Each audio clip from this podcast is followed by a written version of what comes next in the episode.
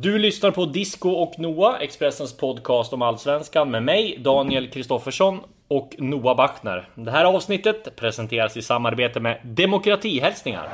It's time to get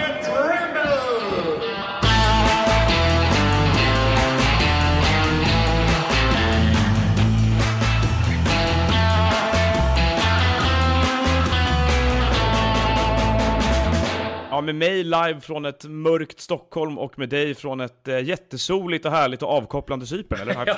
Ja du, inte riktigt. Eh, Det är soligt, eh, Cypern är rätt. Men, och, Det var det mest hysteriska du men någonsin hade hört. avkopplande, det får man nog... eh, Får man nog eh, ta att, eh, att med en nypa salt här. Men Om man ska, vi ska inte bli för personliga här nu, eller det kan vi kanske bli, men det var ju en ganska hektisk dag för mig. Det började med magsjuka för min lilla dotter här eh, innan jag skulle åka och eh, sen så eh, blev det ju strömavbrott på Söder, eh, så jag hade lite hektiskt där eh, timmarna innan planet skulle lyfta och jag åkte klockan fyra från lägenheten på natten så att eh, det har varit full huggning. Vi kan, vi kan ju flika in att, eh, vi kan ju flika in att, att det blev strömavbrott på Söder berör ju båda oss eftersom vi, likt alla andra journalister som arbetar i Stockholm, enligt lag bor på Exakt. Söder. Man måste göra det om man är journalist. Jag bor ju nära H.H. Dahlgrens krog Loke så där satt de med ljus Eh, och totalt nedsläckt. Så att det var inte bara jag som drabbades utan det var väl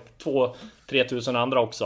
Eh, men det var andra också som var lite sömniga och hade det lite jobbigt. Eh, jag kommer på Arlanda där och ska, då är väl klockan, ja vad kan det vara, 20 över 5 och går fram till gaten och då sitter det en eh, allt annat än pigg John Guidetti. Eh, eh, som ska också ska med det här planet. Det här liksom flighten till Larnaca. Det finns inte så många flighter till Larnaca så det var väldigt många spelare som åkte med den här eh, flighten som mellanlandade i Wien och jag snackade lite kort med eh, John Guidetti och han hade åkt hem till Stockholm och hade match i fredags. Han hade åkt hem till Stockholm i lördags och sen så satt han på den här tidiga flighten också så att ja, det var många slitna eh, fotbollsspelare på, på den eh, flighten. Sebastian Larsson, Marcus Danielsson var med också.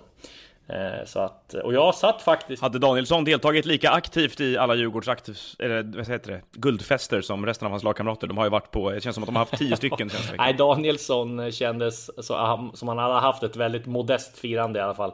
Eh, Han, eh, han var rätt lugn och såg eh, inte speciellt bakis ut. Det här var ju eh, ja, dagen efter både Djurgårdens, eller eh, två dagar efter både Djurgårdens och alla andra Stockholmsklubbars avslutningsfester. Djurgården hade väl sin på Eh, Soliden, där de hade sin avslutningsfest. AIK hade, väl, AIK hade sin på Quality Hotel va?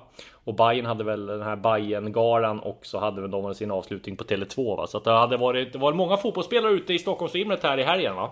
Som jag har förstått. Ja, det såg ut så. Man tänker, men sen, och dessutom har de haft Allsvenskans stora pris och Fotbollsgalan och Djurgården hade ju Fotografiska festen samma kväll och Brillo kvällen efter om jag inte har Ja, förstått exakt. saken rätt. Så det känns ju som att det där är en hårdare vecka än vad Paradise Hotel-deltagarna har eh, när de är klara med programmet. Det kändes... Eh, ett hårt liv för alla helt och, enkelt. eh, glad, eller ja, glad som man var och att man kom in och så trodde man man skulle få sitta själv där. Jag hade ju plats 28D i planet så satt jag med vid eh, och alla hade gått in och jag tänkte ja nu har jag tre säten för mig själv. Då kommer Andreas Granqvist och sätter sig eh, visserligen inte i mittensätet utan han sätter sig vid eh, ja det här han hade väl C då, så han satte sig längst in med ett stort benutrymme och då Ja. var jag väl säker på, ja men bra tänkte, eller sa jag faktiskt till Gran att perfekt, då blir det det här mittensätet blir ledigt nu då. Det här måste väl förbundet ha fixat så ja, så du får eh, ingen bredvid det. Nej, det är lugnt, det trodde han liksom. Nu blir det en, en, en behaglig resa, man kan sträcka ut sig lite grann sådär. Men fel hade både jag och Granen, för sist av alla in på planet kommer Sportbladets Johan Flink och sätter sig i mitten.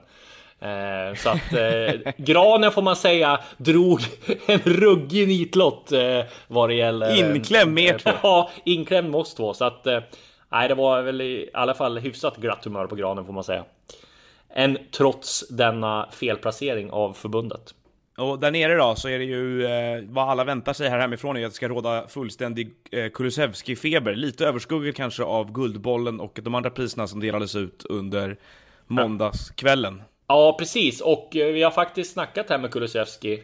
Eh, han kom ut i mixade zonen bara för någon timme sedan när vi spelade in det här och eh, man slogs faktiskt direkt av hur mogen han verkar vara, hur vältalig han verkar vara och hur klok han verkar vara för sin unga ålder. Och jag sa direkt faktiskt till min kollega Frida här som är med att han påminner faktiskt exakt om Alexander Isak när han kom fram. Eh, väldigt klok, vältalig och mogen för sin ålder. Eh, har väldigt eh, liksom eh, vettiga resonemang om spelet, hans utveckling och i, i Parma och hans utveckling och syn på fotboll och sådär så att Eh, han kan nog gå en väldigt fin framtid till mötes. Berättade också om hur han fick beskedet när han blev uttagen till landslaget. Han hade ju, han hade ju helt missat att um, det var landslagsuttagning, så han ja. körde extra med några polare eller med några spelare i Parma. Så kommer Riccardo Gaggiolo springande och skriker att han har blivit uttagen i, i, i, du har blivit uttagen i truppen. Då säger Kulusevski, vilken trupp? han fattar inte ändå. Eh, men så, ja, han var klar för Roma till helgen helt enkelt. ja, precis. Skulle spela mot Roma. Men så kollar han på sin telefon och det här är bara dykt in meddelande. Så att eh, han, nej, jag, jag tror, alltså Kulusevski, sådana spelartyper och sådana människor behövs det fler av i landslaget. Eh, vi kan väl eh, säga att vi var inte lika överraskade över att Kulusevski blev uttagen. De har ju tittat mycket på honom under hösten här. Ja, verkligen. Och, eh, det var ju som, jag tror att Roland Nilsson var den som avslöjade det i samband med förra uttagningen, ganska nära att Kulusevski kom med redan då. Ja, precis. Eh, och sen så tog de med lite fler spelare den här gången också, sannolikt för att de vill titta på de spelarna i träning lite mer också, eftersom det inte är några träningsmatcher. Eh, att, som finns tillgängliga för landslagsledningen eh, under, under hösten här, eh, ja, inför, inför våren. Det som Eh, vi kommer tillbaka till landslaget och landskampen mot Rumänien som stundar på fredag. Jag åker till Bukarest här på eh, torsdag också, där jag hoppas att jag träffar dig om allt går som det ska. ja, eh, och eh, sen så vänder vi hem igen här för eventuellt då eh, försöka bevaka hur landslaget firar, att de kan bli EM-klara, eh, eller då blir det först efter matchen mot Färöarna på måndag, eller inte alls! Eller de kan ju fira på planet hem också. Ja, det kan de också göra. Precis, så är det. Eh, vi, eh, däremot så finns det en, en annan nyhet som dominerade svensk fotboll den senaste veckan. Det var ju vare sig då att Kulusevski blev uttagen, eller Allsvenskans stora pris, eller Guldbollen som vi får återkomma till här. Ja. Eh, utan det var ju det faktum att det föll en dom till slut i det fallet som berör Daniel Kindberg och Östersunds FK. Eh, för att sammanfatta saken kort då, så kan man säga att Kindberg döms till tre års fängelse av tingsrätten för mm. grov ekonomisk brottslighet mot sitt nekande och allt tyder på att han och hans eh, två kumpaner i den här brottshärvan eh, kommer att överklaga domen. Eh, I korthet så är det eh, för att man genom luftfakturor tillsammans med två andra personer har eh, tillskansat Östersunds FK miljontals kronor. Kindberg döms för grov trolöshet mot huvudman, medhjälp till grov trolöshet mot huvudman, grovt bokföringsbrott och medhjälp till grovt bokföringsbrott. Mm. han får dessutom ett så kallat näringsförbud under fem år. när det gäller Daniel Kindberg så är ju konsekvenserna en sak. Du var ju där och bevakade den här presskonferensen som han höll i Stockholm höll, ja, i samband med att domen föll. Mm. Ja, alltså det man kan säga det är ju att eh, om man har följt det här då. Jag var ju på rättegången eh, där när eh, han skulle förhöras. Och eh, det var ju som vi har sagt tidigare, som vi har pratat om väldigt mycket, att eh, det är väldigt svårt sådana här ekobrottsfall. Eh, eh, det är väldigt svårt att bevisa. Vi har tidigare liksom jämfört, inte om man ska göra några jämförelser i övrigt, men jag menar Trustor-härvan blev också dömd i, i tingsrätten, sen friad i hovrätten. De här Telia-cheferna eh, blev också friade. Så att det, är, det är svårt att, att liksom reda ut tror jag. Vi får se vad, vad hovrätten dömer här då. Men det som var just det man reagerar på i just Kindbergs fall är ju framförallt tre saker. Dels var det att han erkände och gjorde vissa medgivanden i ett första förhör. Det allra första förhöret som, som, som gjordes med honom precis när polisen hade gjort, mm. gjort det här tillslaget då.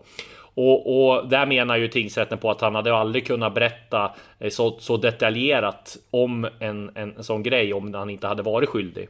Eh, och sen är det ju de här luft eh, eller lapparna, eh, handskrivna lappar som hittades på Daniel Kindbergs kontor där det står fördelning luft eh, Eh, på vissa lappar och där har ju då menat på att det är ju ett, ett bevis på att det har liksom eh, luftfakturorna har har eh, ja, det, det har funnits luftfakturer.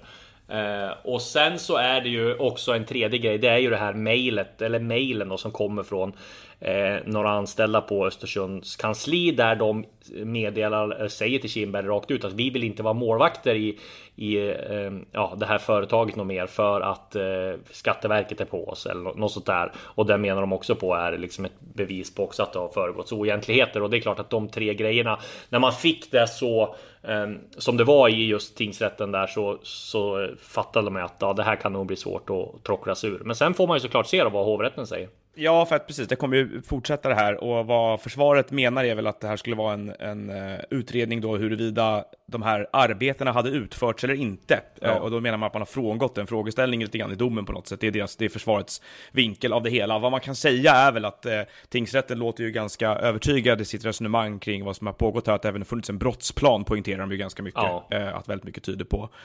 och, men vi kan ju då diskutera vad konsekvenserna blir för Kindberg å ena sidan här, vill jag ju få Eh, ännu mer anledning att göra det när en dom har vunnit lagakraft. Eh, men vad man kan prata om är ju också vad som konsekvenserna blir för Östersunds FK och det är ju det som intresserar de allra flesta fotbollsintresserade ja, i Sverige. Och där finns det ett stort problem som du har skrivit om. Ja, precis. Det var ju min, jag, jag fick, skrev ju krönika om det här då när domen väl föll och det fokuserar väl inte jättemycket på det brottsliga förfarandet i det här fallet utan snarare då vad man utgår ifrån från Riksidrottsnämndens sida och regelverk när sådana här eh, historier uppdagas. Och det är väldigt märkligt alltihopa därför att det här, en sånt här regelverk ska ju se till då att i möjligaste mån straffa dem som man eh, med säkerhet kan säga har begått felaktigheter och oegentligheter. Och eh, Svenska Fotbollförbundets licensnämnd var ju de som anmälde Östersunds FK till Riksidrottsnämnden mm. när man väl, den här historien då dök upp. Och då menar man från Riksidrottsnämndens sida, och det är de som har då kapacitet att degradera eller till exempel straffa Östersunds FK med ett poängavdrag eller något liknande. Eh, man menar då att det gjordes för sent, att den här historien blev känd genom medier under maj förra året. Ja, att det är preskriberat. Ja, att det därmed är preskriberat. Men där kan man ju ifrågasätta preskriptionstiden. Ja, men det händer ju rätt ofta att saker och ting i konturerna blir kända i medier, men det sen visar sig att saker och ting har varit på ett helt annat sätt. Och ja. Ska man förhålla sig till någonting så ska det vara ett juridiskt förfarande i det här fallet, och då är ju det först när en dom har vunnit lagakraft. Så att Verkligen. för mig borde en preskriptionstid gå ut två månader månader efter att en dom har vunnit lagakraft. Mm. Så att jag menar, en anmälan mot Östersunds FK till exempel borde upprättas ja, i, i kölvattnet av att en dom som i anknytning till det här fallet har vunnit lagakraft inte var när liksom man kunde anse att ett medialt pussel gick att lägga som gjorde att man kunde få en förståelse för det här. Det känns väldigt oseriöst rakt igenom. Ja. Eh, och, och problemet rakt igenom här blir ju att det sänder jättekonstiga signaler till, till resten. Det är, det är nästan som att det är, det är okej att, gör, att göra sådana här saker då. Eh, om det är så att man liksom, så fort någon börjar viska om det så kan man skriva av det och preskribera det. Så att de idrottsliga konsekvenserna uteblir med väldigt stor sannolikhet. Ja, det är mycket märkligt. Eh, så att där tycker jag det, det, behövs en större diskussion om hur det här regelverket ser ut egentligen. Där erkände väl förbundet ganska eller tidigt efter de hade sagt att eh, Östersund kan inte åka ur, att de skulle se över regelverket. Men det är ju lite sent ja. att komma med den. Jag menar, hur många sådana här fler affärer får vi se liksom? Nej men precis, eh, för det finns ju eh, med fog en hel del andra finansieringsmodeller runt om i Sverige och det kanske eh, har funnits en brist på, på granskande instanser av hur idrottsklubbar sköts och finansieras och så vidare på ganska många håll kanter, inte bara från medierna utan även från eh, från rättsväsendets sida, att man har liksom eh, kunnat komma undan med sådana här saker och därför behövs det ju ett, ett, ett, ett vad ska man kalla det för, ett ett eh, nytt regelverk helt enkelt. Bra regelverk, ja men som funkar, ja. precis. Som gör att det inte, som gör att det inte är lika lätt att, att att göra sådana saker, dömas för och sen komma undan med det av de här skälen. Sen kan man ju då fråga sig om Östersunds FK klarar sig ändå här, om det här är speciellt avgörande för dem, för det känns ju ganska oklart, eller vad säger du? Ja, verkligen, för att eh, nu var det ju medlemsmöte här och de eh, erkände ju där eh, i, när de hade det här, eh, jag tror det var extrainsatta, eh, nej det var inte extrainsatt, men det var att medlemmarna inte skulle få vara med eh, på det här mötet. Men de hade ett möte där medlemmarna skulle få vara med för att det hade kommit så mycket frågor om det här och där erkänner de och var ganska öppen med att den här aktie ja, aktieportföljen som de har skapat, den har inte inbringat eh, något speciellt mycket pengar, eller i alla fall inte tillräckligt med pengar som vad de trodde, så att de är väl väldigt illa ute fortfarande om de klarar elitlicensen. Eh, och de har inte fått in tillräckligt ja. mycket på att, eller sponsorer. Så att, eh... Nej, jag vet inte vad det senaste summan är där, men de här 20 miljonerna som de hoppades på har ju inte dykt upp i alla fall. Eh, och eh, försälj en försäljning av Dino Islamovic kommer inte inbringa speciellt mycket pengar, så det Nej. är ju en väldigt, väldigt prekär situation fortfarande för Östersunds FK. Och eh, om man lyssnar på hur det låter så, så är ju Brage har ju en plan redo här för att kliva in i Allsvenskan. Ja nästa år, eh, vilket ju platsen blir deras om Östersund skulle då inte klara elitlicensen till, till nästa säsong. Eh, så vi, vi, eh, Östersunds framtid eh, hänger ju inte nödvändigtvis ihop med Eh, den som gäller eh, Daniel Kindberg och den här domen då, utan Nej. kan eh, och även om man skulle, sig av andra skäl. Även om man skulle klara sig kvar i allsvenskan så är det svårt att se att man liksom på sikt så kommer nog klubben försvinna tror jag. Alltså, eller försvinna, men den kommer i alla fall åka ner i divisionerna och liksom Jag tror att det har lagt en så pass mörka moln över klubben det här. Jag tror att spelare inte vill gå dit. Nu kanske man, har, nu kanske man får det här transferförbudet ändå, då, även fast det upphävt här i januarifönstret. Men eh, jag tror att det blir mm. väldigt svårt för Östersund att överleva. Och den här framgångssagan är väl, om inte helt borta så i alla fall, ja, det hänger i alla fall en del Nedsolkad. rejäla eh, frågetecken och nedsolkad får man säga. Ja, ska vi, eh, ska vi avhandla det där ämnet kort också då, i och med att det ändå kom en dom här nu, så är det, jag skrev om det i samma, i samma text som jag gjorde det här med, när, som handlade om regelverket, att eh, det återkommer ju alltid ett tema när det gäller det här och hur, hur Östersund skildrades mellan 2015 och 2018 ungefär. Ja. Eh, och att medierna skulle ha förblindats och mörkats av framgångssagan och därför inte tagit fakta i ämnet på allvar. Det är ju lite felaktigt alltså. Eh, För att det var ju så att Linda Hedenjungs väldigt hedervärda granskningar av Daniel Kindberg och hans bostadsaffärer var eh, alldeles utmärkta. Och eh, samma sak gäller väl Offsides väldigt välskrivna reportage som i grund och botten grundar sig på Hedenjungs granskningar. De Ja, vill ju ja, sätta exakt. Daniel Kindberg, mannen bakom den här klubben, i ett annat ljus såklart och Ja. visa på att det fanns en del oegent- eller en del misstankar kring hur saker och ting hade skett i samband med ett arenabygge och lite andra saker där uppe. Mm. Men den affären som har rullats upp nu, den här eh, ekonomiska brottsligheten som de nu dömdes för i tingsrätten, den hade ju inte mycket med det att göra, Nej. utan eh, det här är en helt annan finansieringsmodell, helt frikopplad från de granskningarna. Och jag tror att jag absolut inte var ensam. Jag vet att jag absolut inte var ensam om att titta, försöka titta på de här siffrorna bakom Östersunds, Nej, hur exakt. de hade finansierat. För vi hörde nog båda två rätt tidigt sådär att ja, men, eh, spelare i Östersund har kunnat få väldigt höga löner med tanke på var klubben kom ifrån. Ja. Potter var väldigt välbetald som valde att stanna kvar eh, under en gång tid i Superettan och Allsvenskan. Och det är klart att det väckte en del, en del frågetecken som jag och jag tror många med mig försökte utforska. Mm. Det fanns ju samtidigt ett skäl till att den här soppan kunde rullas upp av Ekobrottsmyndigheten och deras förmåga till att granska eh, telefoner, sms och mail. Precis. Som där med, och även en del bankkonton som kunde göra att man kunde knyta ihop bilden av vad som hade hänt här. Ja. Så att eh, den här pågående anklagelsen om att medierna hjälpte till och förblindades av Östersunds kulturprojekt tycker jag är ganska felaktig och Ja. missvisande. Och, Och eh, det är många gånger vi förtjänar kritik, men i det här fallet så har jag lite svårt att köpa det faktiskt. Nej, och sen ska man komma ihåg att det här mesta av de här grejerna är gjorda när Östersund var liksom i division 1 och division 2 och superettan och jag menar att jag tror Precis. inte man som Ja, det är klart det är lätt att vara efterklok, men jag tror att det skulle vara svårt att vi skulle sätta tre, fyra eller i alla fall två reportrar på att granska en division 1-klubb. Det tror jag inte det skulle vara. Eh, och liksom, ja, jag tror att då är man ute och cyklar om man tror det. Men eh, sen blev det ju det här och det är klart det är, att... så mycket resurser har vi inte. Nej. Man önskar att vi hade det, men så har vi inte så många ute. Du, det var ju två andra domar den här veckan som skulle komma också. Jag tänkte bara berätta mer vad som händer i, Ja. det allsvenska rättsväsendet. Exakt. Eh, den ena här gäller ju Djurgården eh, och eh, kammarrätten som gav Djurgården rätt i ett ärende med Exakt. polisen här. Djurgården Ja. överklagade ett villkor som polisen utfärdade i samband med Svenska cupmatchen mot Hammarby förra våren. Mm. Eh, lyssnar man på Mats Jonsson, Djurgårdens mycket engagerade evenemangsansvariga här, så tror han att den är Kammarrättens dom kommer få ordentliga konsekvenser över hela landet därför att Mm. den är prejudicerande och vägledande. Eh, det handlar väl i grund och botten om vem som har ett ansvar för att det förs in eller inte förs in pyroteknik på svenska läktare. Eh, Där man i korthet kan beskriva det som att polisen eh, hade ett villkor som gick mot effekten av en åtgärd medan Djurgården ville ha villkor som skulle då villkora vilka åtgärder som behövde vidtas. Man kunde sedan inte ta ansvar för själva resultatet av det hela.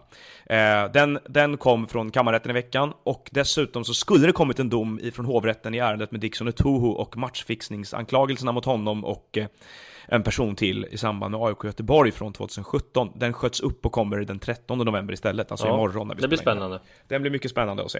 Eh, I övrigt då, eh, ÖFK kan alltså försvinna, i så fall är det Brage som eh, får platsen, men de förlorade kvalet mot Kalmar. Eh, jag såg bara en av matcherna faktiskt, jag såg bara eh, den första. Jag vet inte om du såg returen Jo, jag när såg den på sista. att rämna på slutet. Det var väl, ja, de hade väl en del chanser Brage och sådär, men nej, Kalmar var, det var en ganska stabil seger. Eh, Det känns som att det, men det, Ja. det, det kände man ändå när Kalmar och, alltså det blev klart att Kalmar skulle klara då, det var ju så här, ja men de kommer klara det. För jag menar, titta på spelarmaterialet så titta på Brages spelarmaterial. Det var Det är ändå klasskillnad. De- Det är ju sån, sån ganska stor skillnad just Superettan och Allsvenskan också så att eh, Nej det var eh, väntat faktiskt. Eh, och ut ur Superettan åkte Frej istället då, dåliga nyheter för Hammarby som ju hade sin samarbetsklubb på ganska hög Ja. nivå där. Så blir det ju inte nu. Eh, Nej, jag vet inte. Samarbetet hänger väl i luften. De ska väl reda ut det, men jag har ju svårt att se att liksom. Det blir ju inte ett samarbete som kommer vara som det var tänkt, för då hade man ju. Ja, men vi ska ta ett exempel. Filston Mawana eh, som de lånade som kunde spela i Frej. Vilka mer? Leo Bengtsson som kunde spela i Frej när de var i Superettan. Det är klart att de Ja. kan spela där, men jag menar det är inte så här att de kommer gå ner och spela i, i division 1. Det finns ju inte på världskartan, eh, utan då blir det väl eh, att Bayern får låna ut dem till andra allsvenska klubbar eller andra superettan-klubbar. Men däremot så kan ju eh, samarbetet bli kvar i den formen att Hammarby har ju, om man ska säga, har ju väldigt många unga äh, spelare som är på väg upp nu. De har eh, ja, 02 01 och sådär som är på väg och de skulle ju kunna spela i division 1. Eh, så att Nej, jag tror samarbetet kommer inte bli kvar i dess nuvarande form, men eh, man ska nog inte vara helt eh, säker på att det läggs ner helt, utan det kan ju vara så att Hammarby får chansen att slussa in väldigt många mm, yngre juniorer i, i division 1 istället. Visst, och det finns ju alltid en fara med det också. Vi har ju sett ett par liknande exempel där på när klubbar, allsvenska klubbar försöker använda ett division 1-lag för sina juniorer, men de, ett helt lag juniorer brukar ha svårt att klara sig i division 1 också. Ja, det är ganska mycket är bra fotbollsspelare i division 1. Så, så, att vi har ju AIKs äh, försök med, med Väsby och Djurgården med, med både Värtan och andra lag runt omkring sig som har haft eh, problem ja, att klara sig kvar. Vi får se hur det blir med det. Karl, Karlström var, gick väl där, det var inte så länge sedan. Exakt. Och eh, den stora snackisen härifrån då, från Cypern, var ju eh, faktiskt Guldbollen.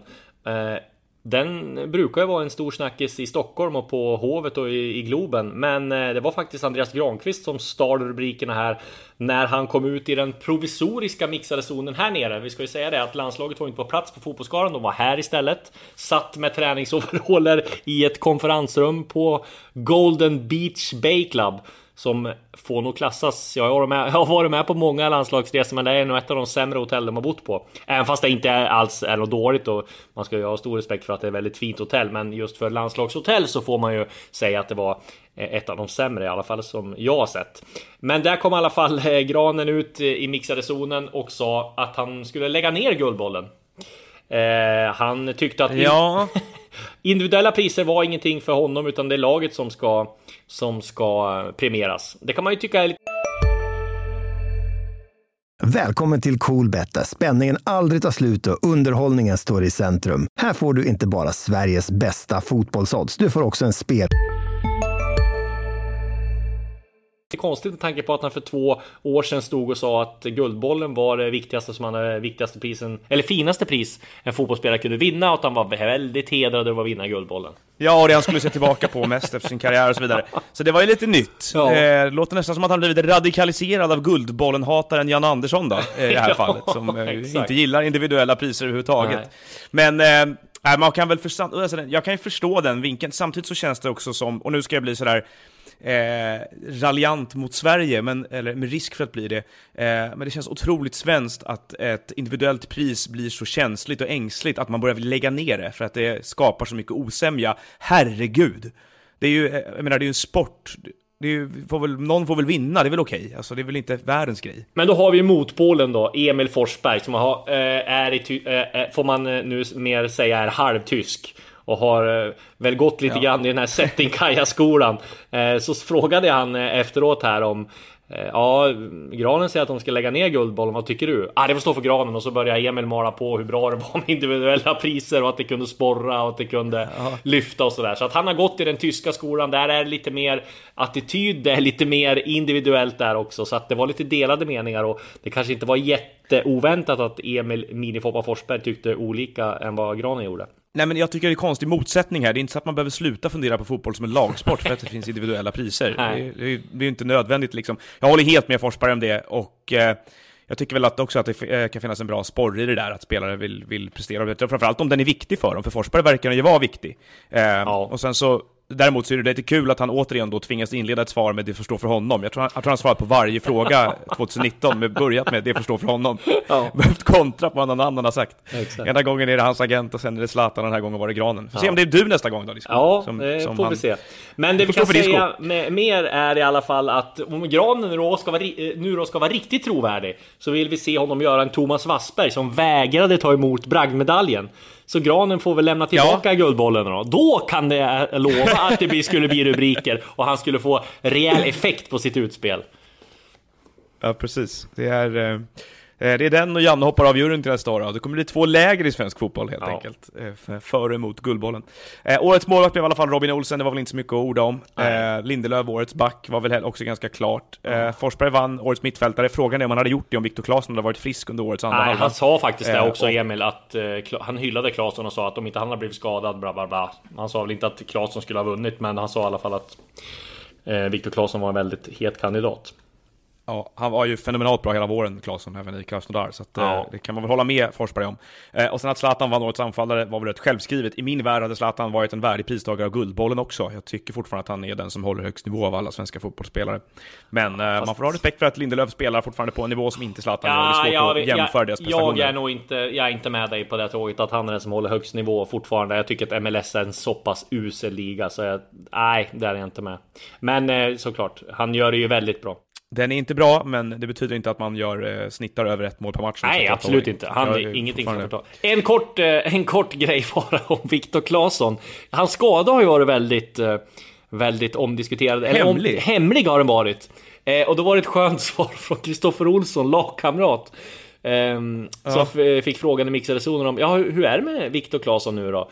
Eh, jo, sa eh, Kristoffer, han är, eh, han är i, i Krasnodar och ja, eh, eh, ja, han rör på sig i alla fall så att eh, det går väl framåt. Viktor Claesson rör på sig. Ja men det är bra, då verkar det gå bra med rehabiliteringen. Då ska vi vara... eh, Det här, eh, på tal om radikalisering så får vi säga då att det här är alltså tankefiguren från AIK som vandrar via Kristoffer Olsson till Viktor Claesson där man inte kan prata om att man har ont någonstans. Nej exakt. Han rör på sig i alla eh, fall, Mycket det är bra. Positiva besked Det från är, eh, Ryssland. Viktor Claesson rör på sig. Ja, snart. ja, den är, den är oklar. Ja. Eh, vi hade även Allsvenskans stora pris, där eh, jag tror både du och jag röstade va? Eh, jag gjorde det i alla fall. Ja, Och, nu eh, kommer jag inte ihåg, jag hade de här Isak framför mig. Pettersson blev- Ja, han röstar jag på. Isak Pettersson blev årets målvakt, eh, Marcus Danielsson årets back, Anders Christiansen årets mittfältare. Jag undrar om inte jag hade Mujo Tankovic där kanske. Ja, jag hade nog Kasaniklis Eh, där. och Nikola Djurdjic, årets anfallare, minns inte vilken, vem jag hade där. Eh, årets tränare, Kim Otolla hade jag också. Årets nykomling hade jag också, Al-Hassan Yusuf. Årets MVP, Marcus Danielsson, var i min Det var, du som röstade på, det var du som röstade på det här. Precis. Bara du. Det är ehm, med den stora mediekonspirationen som ligger bakom Ja, eh, även Allsvenskans stora pris i år också. Vi har ju, eh, för- för att summera det här då, så jag, de här galorna, jag tror att både du och jag delar ett, ett svalt intresse för dem eh, i grund och botten. Eh, men eh, däremot så är det ju så att när vi pratar, ändå pratar om Zlatan Ibrahimovic så eh, spekuleras det ju ganska vilt i hans framtid och att han skulle vara på väg tillbaka till Italien. Jag tror ju att vi har sett det sista av honom. Vad tror du? Jag är 98% säker på att han kommer fortsätta med LA Galaxy. Eh, jag tror kör att en säsong familjen... till MLS. Ja, han kör en säsong till. Minst en säsong till. Jag tror att familjen trivs alldeles för bra i Los Angeles. Jag tror att Zlatan kan inte sluta nu med att åka ut mot Carlos Vela. Mm, han kan inte sluta åka ut mot LAFC. Han vill i alla fall ge sig själv chansen att sluta lite på topp. Okej, man kan säga att han slutar på topp. Han har öst in mål i MLS. Men jag tror inte han är klar. Och såg du intervju med Zlatan eh, när han tackade för priset här med eh, som årets anfallare i TV4 på galan? Såg du den? Ja. Ja, och där såg man ju att han inte är redo att sluta. Han sa ju nästan ut där. Han sa nästan rakt ut att han, han ska fortsätta spela. Han har mycket kvar att ge. Sen vet man ju inte. Han kanske ändrar sig. Han kan ju ändra sig från dag till dag och det går liksom inte att slå fast någonting. Men om jag får lägga mina pengar nu så Det är väl- jag satsa på att han kör vidare i Galaxy. Det är väl det är väl det man har, det är det som gör mig skeptisk, att Zlatan har sagt mycket saker och gjort andra saker de senaste Så åren, så att såklart. jag inte är Så säker är på att det ligger Nej. så mycket i det där. Eh, det som däremot jag tror att, det som jag däremot tror är att jag, jag eh, fick höra saker för ungefär ett år sedan då, som fick mig att tro att, att det var på gång att ta slut, eh, Mm. och även hört liknande saker under det här året. Däremot så är det ju så att den typen av beslut kan ju ändra sig på vägens gång, Ja. eh, och eh, han kanske känner på ett annat sätt nu än han kände för ett år sedan, med knäskadan och allt annat. Så han kanske, Mm. Ja, sen beror det väl säkert på ju Galaxy också. Jag menar, de, jag menar, det är klart att de vill behålla honom, men inte till vilket pris som helst. Jag menar, han är designated player, han tjänar hur mycket som helst. Eh, Det är klart att det är en lönefråga för dem också. Han är, de kanske vill satsa på någon Ja men ta in någon annan stjärna som är yngre som vill dit. Carlos Vela. ja precis. Nej men eh, så att det är klart. Men jag, jag tror att han fortsätter. Men eh, vi får säkert Ja. Eh, tid, och, tid och lust att återkomma till det. Vi kan i alla fall gratulera italienska Silly-gurus så länge han fortsätter Absolut. att inte avisera att han slutar eftersom Nej. de kan hitta på nya klubbar han är klar för en gång i veckan. Bologna. Jag vet, inte, Bologna. jag vet inte hur många gånger Zlatan har varit klar för Milan nu. Det måste vara hundra gånger va? Ja. Och det sjuka är att han fortsätter att tro på Även det. så- Alltså kan du ge mig en, en anledning till varför Zlatan skulle gå till Bologna? Nej, det finns inte, han, det finns ju ingen som helst rim och reson i, i det här resonemanget. Nej, Vad skulle han göra det där? Är, eh, Va, varför? det är långt från din hyllade standard disco, eller hur? Ja, nej, ja, det vore ju extremt märkligt om, om han gick dit. Det är ungefär eh, lika, det är lika troligt som Zlatan går till Bologna som att Micke Stare och Andreas Brännström tar över AIK. Det är väl också klart där för någon Ja. vecka Ska, sedan. vi, eh, ska vi dyka rakt ner i Sillypoolen? Ja, det kan vi göra. Absolut. Ja, då har jag skrivit i körschemat här, Silly News från D-Bone, som Ja. är ditt nya gatunamn här Precis. på Söder efter att eh, allting slocknade och folk får sitta med ljus framför bordet. Men Ja, eh, berätta, exakt. vad är det som händer egentligen? Nej, men jag har kollat upp lite grann här och jag har väl ingen sån här övergång som är helt klar. Men Buya Turay kommer Djurgården få extremt svårt att eh, ehm, behålla. Det är väl i princip klart att han lämnar. Djurgårdens enda chans där, det är att ehm, hans belgiska klubb inte eh, får sålt honom. Eh, och att Djurgården då får låna honom i ett år till. Eh, men eh, att det ska hända, det, det tror jag inte ens Djurgården i sin vildaste guldyra tror på. Men vi ska väl inte slå fast att, det, att han lämnar, men han, allt talar för det i alla fall. Och det, jag tror Djurgården är ganska beredda på att ersätta honom också. Och det här, jag tror vår, Anell, vår kollega Anell hade väl pratat med Sint Turidens sportchef här. De, han sa väl att det fanns redan nu ganska många, mycket intresse för Boja. Så att... Eh, Och det är ju rimligt att det gör det efter 15 mål i Allsvenskan. Verkligen, Eh, och, verkligen. Eh, Buya Turay har ett fantastiskt facit i Allsvenskan fortfarande, Ja. ska man komma ihåg. Så att han har ju eh, alla möjligheter i världen att eh, eh, förmodligen att gå till en klubb som, är, som kan ge honom ganska lukrativa erbjudanden, kan man tänka sig. Ja. Och sen är det Goitoms nya kontrakt och det pratade vi om i september här när jag scrollade tillbaka. Då slog vi väl i princip fast att Goitom skulle fortsätta spela AIK. Det blev klart i Yes. eh, veckan här. Eh, och eh, ja, han, eh, ha, han har ju kontrakt. Han hade ju kontrakt med AIK ska vi säga över nästa år också, men då som spelare eller då som tränare. Och nu så blir det väl bara spelare igen. Och det är klart att när Norling ska eh, stanna eh, eh nu eh, har han väl varit tydlig med när jag pratar med honom i alla fall och när Björn blir kvar så och när jag tror att faktiskt AIK ska byta spelsystem här och kanske spela lite mer åt 4-3 hållet igen. Eh, vad jag har fått lite in- indikationer på. Så tror jag att Goitom blir väldigt viktig eh, till nästa. För det som är i AIK nu då, det är ju att de kommer ju, eh, liksom Norling och, och kommer ju behöva ändra på saker och ting. Det måste bli offensivare. Det kommer säkert, säkerligen bli ett annat spelsystem eh, med offensivare och det kommer de jobba på börja ganska tidigt tror jag.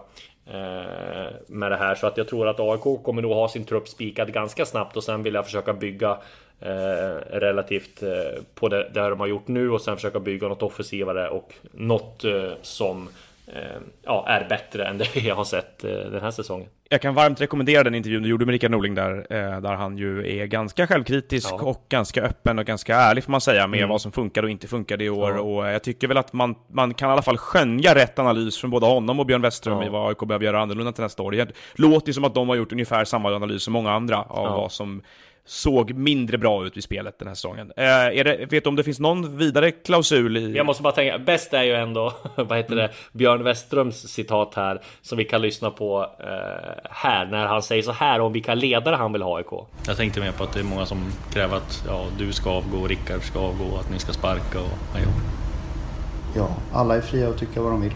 Eh, Det, det, är inget, eh, det finns, finns inget annat eh, än det. Jag försöker göra det jag, jag eh, är tillsatt för att göra. Få, få maximalt ut av AIK och försöka förbereda AIK både på kort och lång sikt hela tiden. Det är det som är mitt arbete.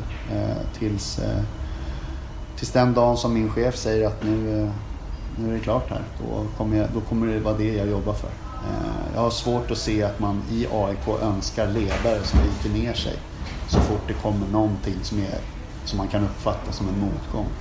Om vi önskar den typen av ledare, då ska det stå i sådana fall i profilen på nästa tränare eller sportchef som anställd. Att vid, vid motgång, vik ner dig.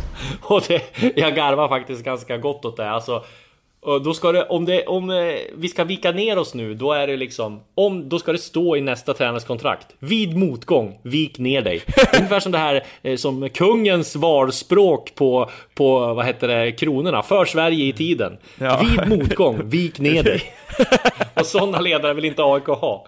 Så att, och man får ju faktiskt, även fast det är lite skämt bakom det där, och så, så tror jag det är ganska mycket allvar. För att de, nu har de ju haft framgångar i AIK väldigt länge. Nu kom det en motgång. Ja, med väldigt små marginaler. 62 poäng. 62 poäng och sådär. Och det är klart att jag tror inte Rickard Norling hade velat lämna AIK nu, inte Björn heller. Och jag tror inte styrelsen tänker så heller. Att de, ja, men nu, nu sparkar vi ut allt bara för att det blev så här. Så att jag tycker man är helt rätt. Sen är det inte säkert att det här fungerar. AIK kanske, Norling kanske inser efter i, i juni att ja, men vi har vi inte vunnit tillräckligt. Vi har spelat precis på samma sätt och då lär väl han få sparken eller han vill, lär väl lämna själv. Men jag tycker det är precis som jag var inne på här för någon vecka sedan att det är, AIK borde ju liksom ge Norling en chans att, att rätta till det som inte blev eh, rätt 2000. Ja, och där håller vi, med, håller vi med varandra. Vi pratade ju mycket om det här förra veckan. Jag har ju full respekt för eh, grunden för farhågorna vad gäller AIKs spel nästa år och det som händer runt omkring dem i tabellen där lagen där lagen i toppen i övrigt är mycket mer bollförande och mycket mer drivande i matcherna med boll, så är det ju.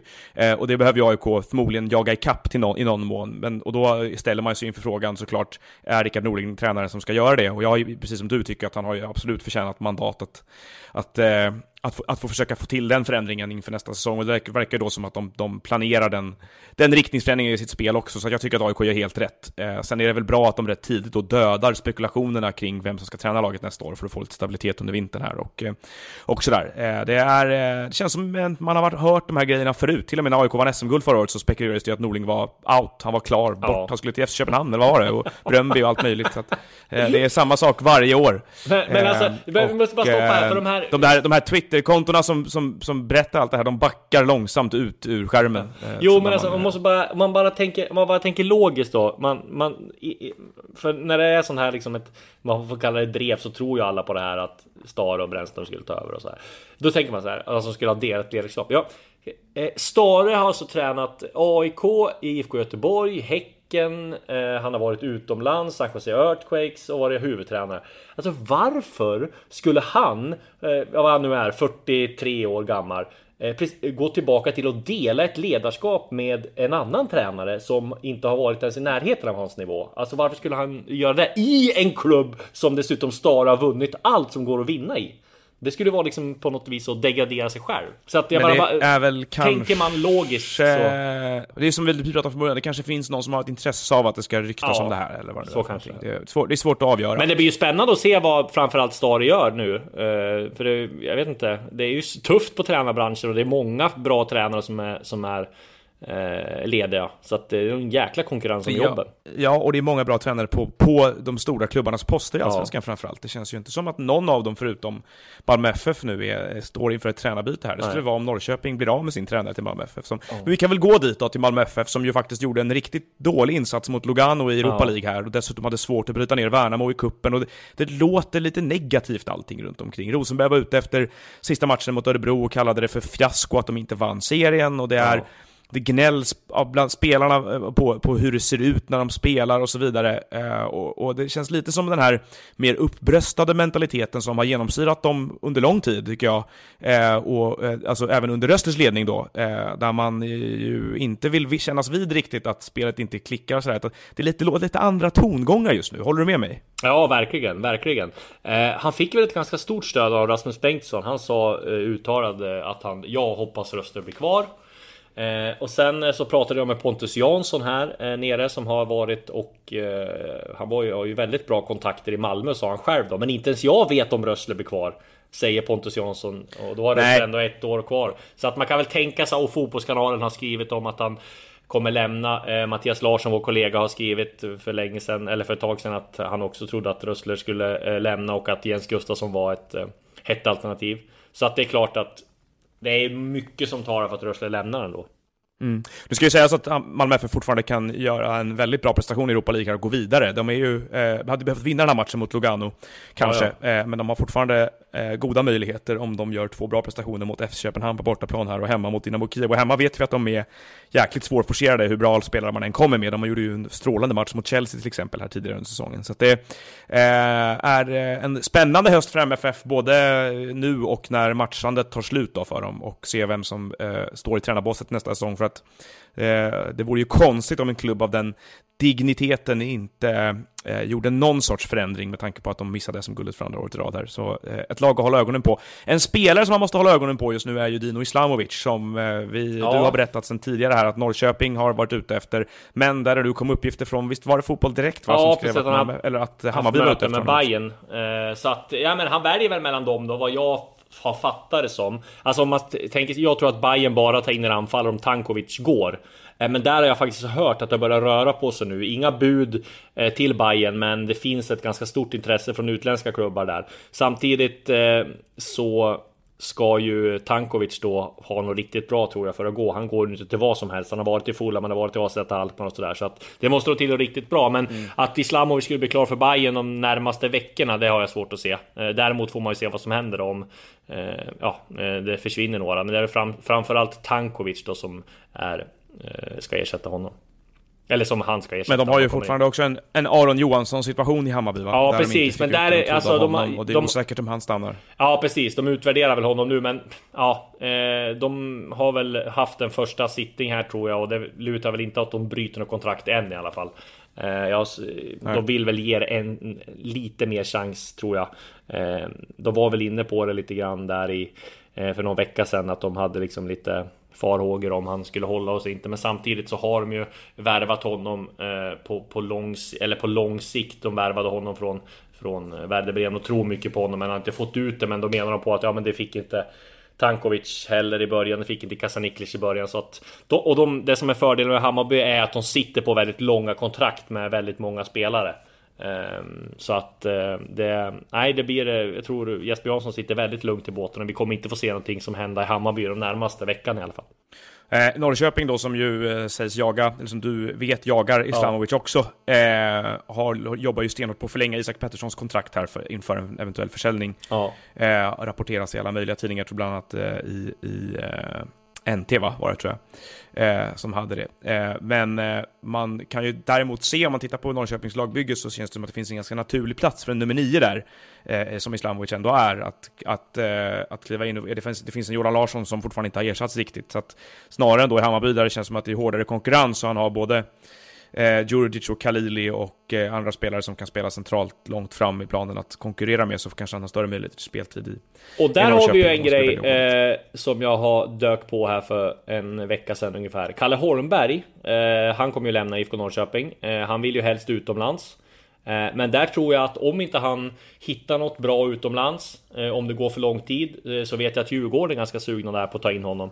Eh, de behöver bredda alternativen på anfallssidan så att eh, jag tror inte Djurgården kommer eh, liksom gå för honom de närmaste månaderna. Men skulle vi droppa in i februari här i, och han inte har hittat en ny klubb så skulle jag inte bli jätteförvånad om, om eh, det kan bli Djurgården ändå. Men det är ju ett litet långskott för att de jobbar väl stenhårt, både han och hans agent Martin Dahlin på att han ska komma utomlands. Ja, och det känns ju som att i sådana fall det är en rak ersättare till Börje så, så promotar man Kujovic till första val längst fram då, eh, om det skulle vara så. Exakt. Eh, att eh, Djurgården får in honom. Det är, jag får säga att det har funnits sämre andra fioler på nummer 9-platsen än Kalle Holmberg ja. Svenskan. Men som sagt, ett långskott. Men inte helt omöjligt i ja. februari om man inte har, in, inte har någon utländsk grupp. Nej. Hörru du, eh, jag ska packa min väska och bege mig mot Bukarest snart här. Härligt! Och så att du har, eh, ska ner till poolen på Cypern och slappa vidare. Nej, det ska jag inte. Jag ska få i mig ja. mat här för första gången på ett och ett halvt dygn. Nej då. Vi ska eh, jobba på här så är det landslagsträning imorgon, eh, mixad zon eh, och sen så eh, reser vi till Bukarest via Wien här på torsdag. Det är uppstigning vid 4-5 där också, men så ses vi väl vi i Bukarest då. Ja, eller i Wien. Vi åker också via Wien. Så ja, då så. Då ses vi där. på varandra där. Ja. Du, jag och en mycket piggare John Guidetti helt enkelt. Härligt! Hej!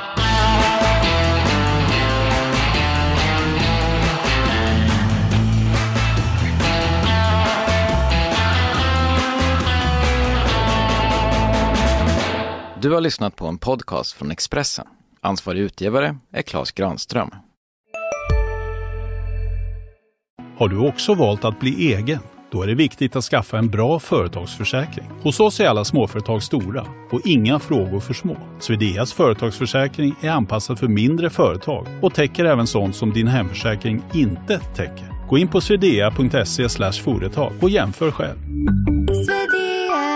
Hej, Synoptik här. Hos oss får du hjälp med att ta hand om din ögonhälsa.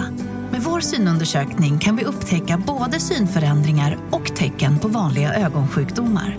Boka tid på synoptik.se.